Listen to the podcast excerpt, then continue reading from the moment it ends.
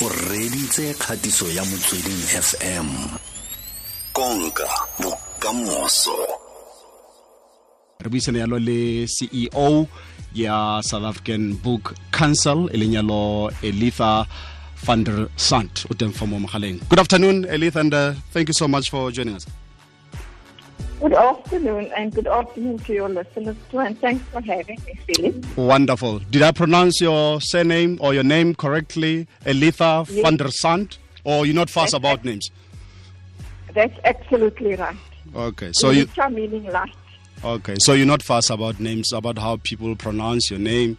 It's okay, even if I call you van der Sandt or van der Sandt, it's still okay. It's still, it both comes to the same thing. Yeah.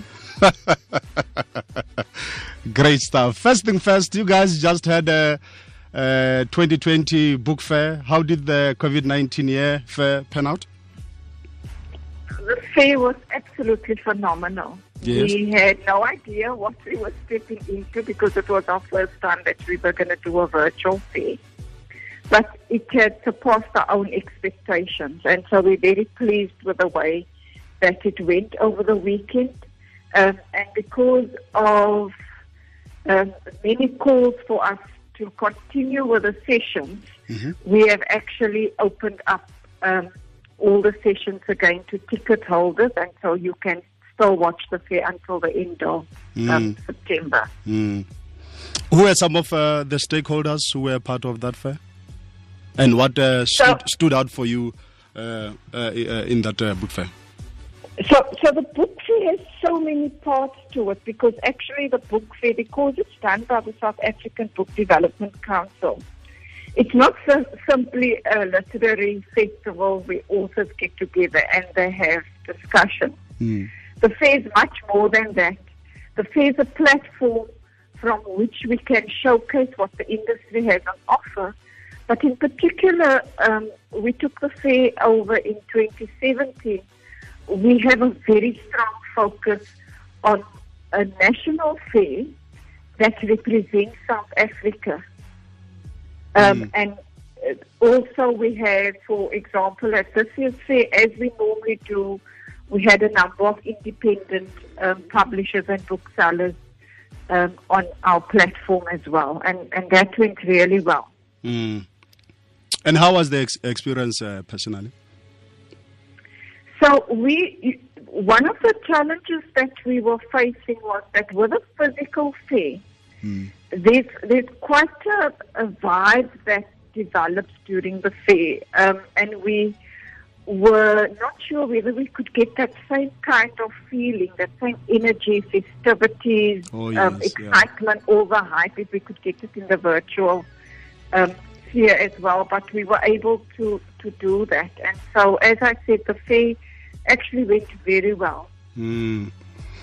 And uh, talk to me, talk to me about uh, the changes and uh, innovative elements brought by this unusual year.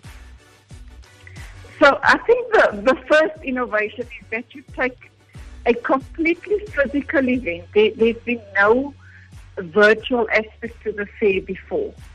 And so we took a completely physical event, not just a book fair, we also did it with National Book Week because we also run National Book Week.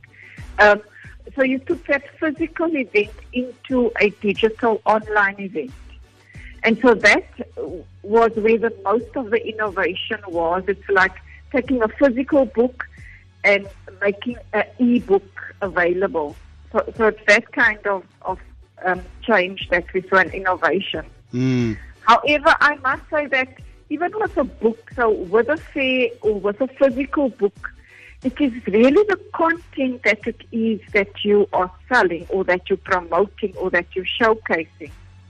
And so once again, we had quite a, a good sampling of South Africa on our program, Mm. uh, as we do with a, with a physical event as well. And so I think that continue, um, that, that consistent pursuit of a representative fair because this is a mainstream event and what you generally find in mainstream is that it's not representative of South Africa Yeah. generally. And the fair is that now. And so I think that is the big difference Yeah. um, that currently exists for the fair. So is um, online the way to go? We won't have it only online again. Um, we will probably do a hybrid next year. So you'll have the physical event and you'll have an online presence as well.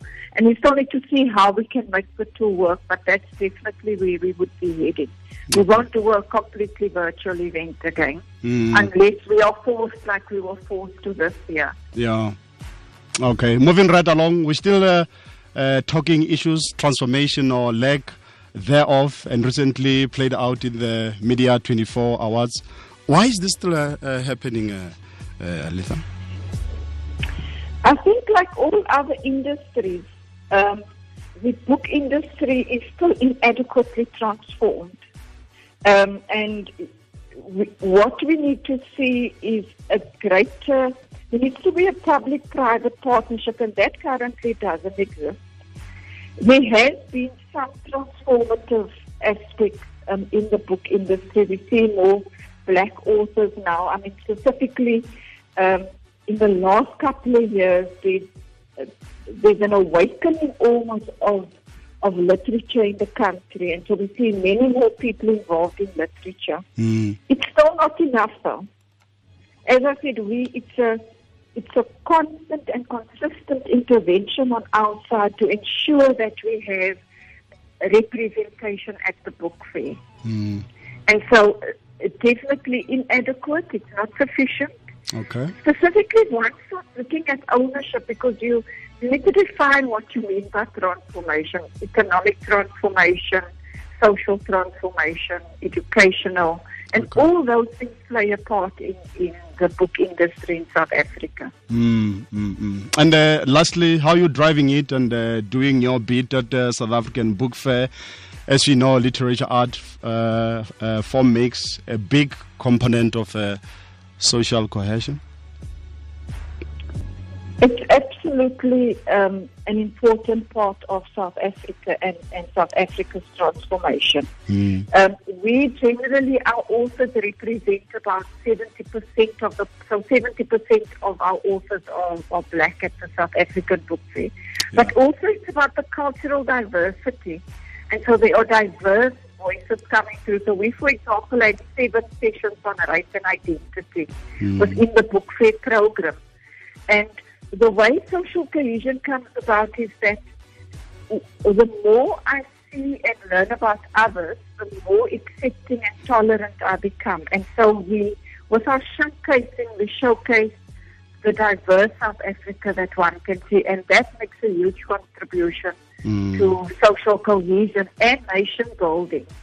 Mm. We had, for example, just to say, we had a panel on white privilege, it was only white women who were on that panel speaking about the topic. And then we had the next day, we had a session on Black Lives Matter, and we had a number of black authors on that panel. And it's important to be able to listen to each other, but also give each one an opportunity to speak. And, and the fair brought that about as well. Very important for social cohesion. Mm. We were chatting to the CEO of uh, South African Book Development Council, chatting uh, or talking rather uh, transformation with the South African Book Fair. Thanks a million for making time to chat to us, Elitha. Much appreciated. Thank you. Have a great day.